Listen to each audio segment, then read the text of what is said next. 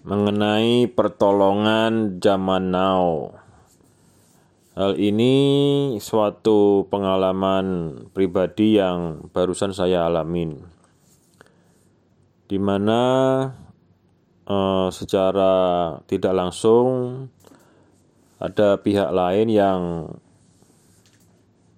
sepertinya bisa membantu atau menolong problem solving dari suatu laka lantas. Nah, ternyata pertolongan atau bantuan yang dia maksudkan itu memasang tarif.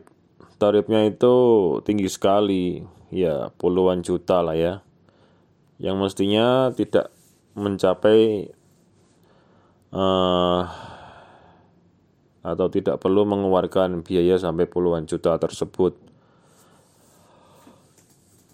Dan ketika kami tolak atau kami tidak sanggup, jadi sudah dua tiga kali dinyatakan kami tidak tidak apa ya tidak sanggup untuk menerima bantuan dengan tarif puluhan juta tersebut.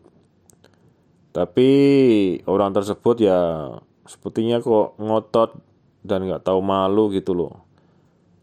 Minta pembayaran makan dengan teman-temannya bilangnya habis sampai 2-3 juta padahal kita kan sudah tidak ada perjanjian untuk bekerja sama dalam problem solving.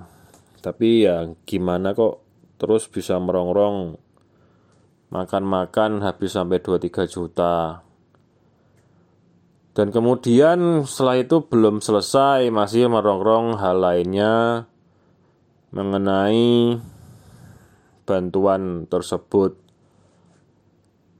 Ya intinya zaman now ini hati-hatilah kalau eh, menerima atau minta bantuan dari orang lain atau menerima bantuan dari orang itu hati-hati. Zaman now itu banyak juga yang pasang tarifnya terlalu tinggi dan memaksakan kehendaknya sendiri. Jadi cenderung atau berindikasi pemerasan dengan kedok menolong orang.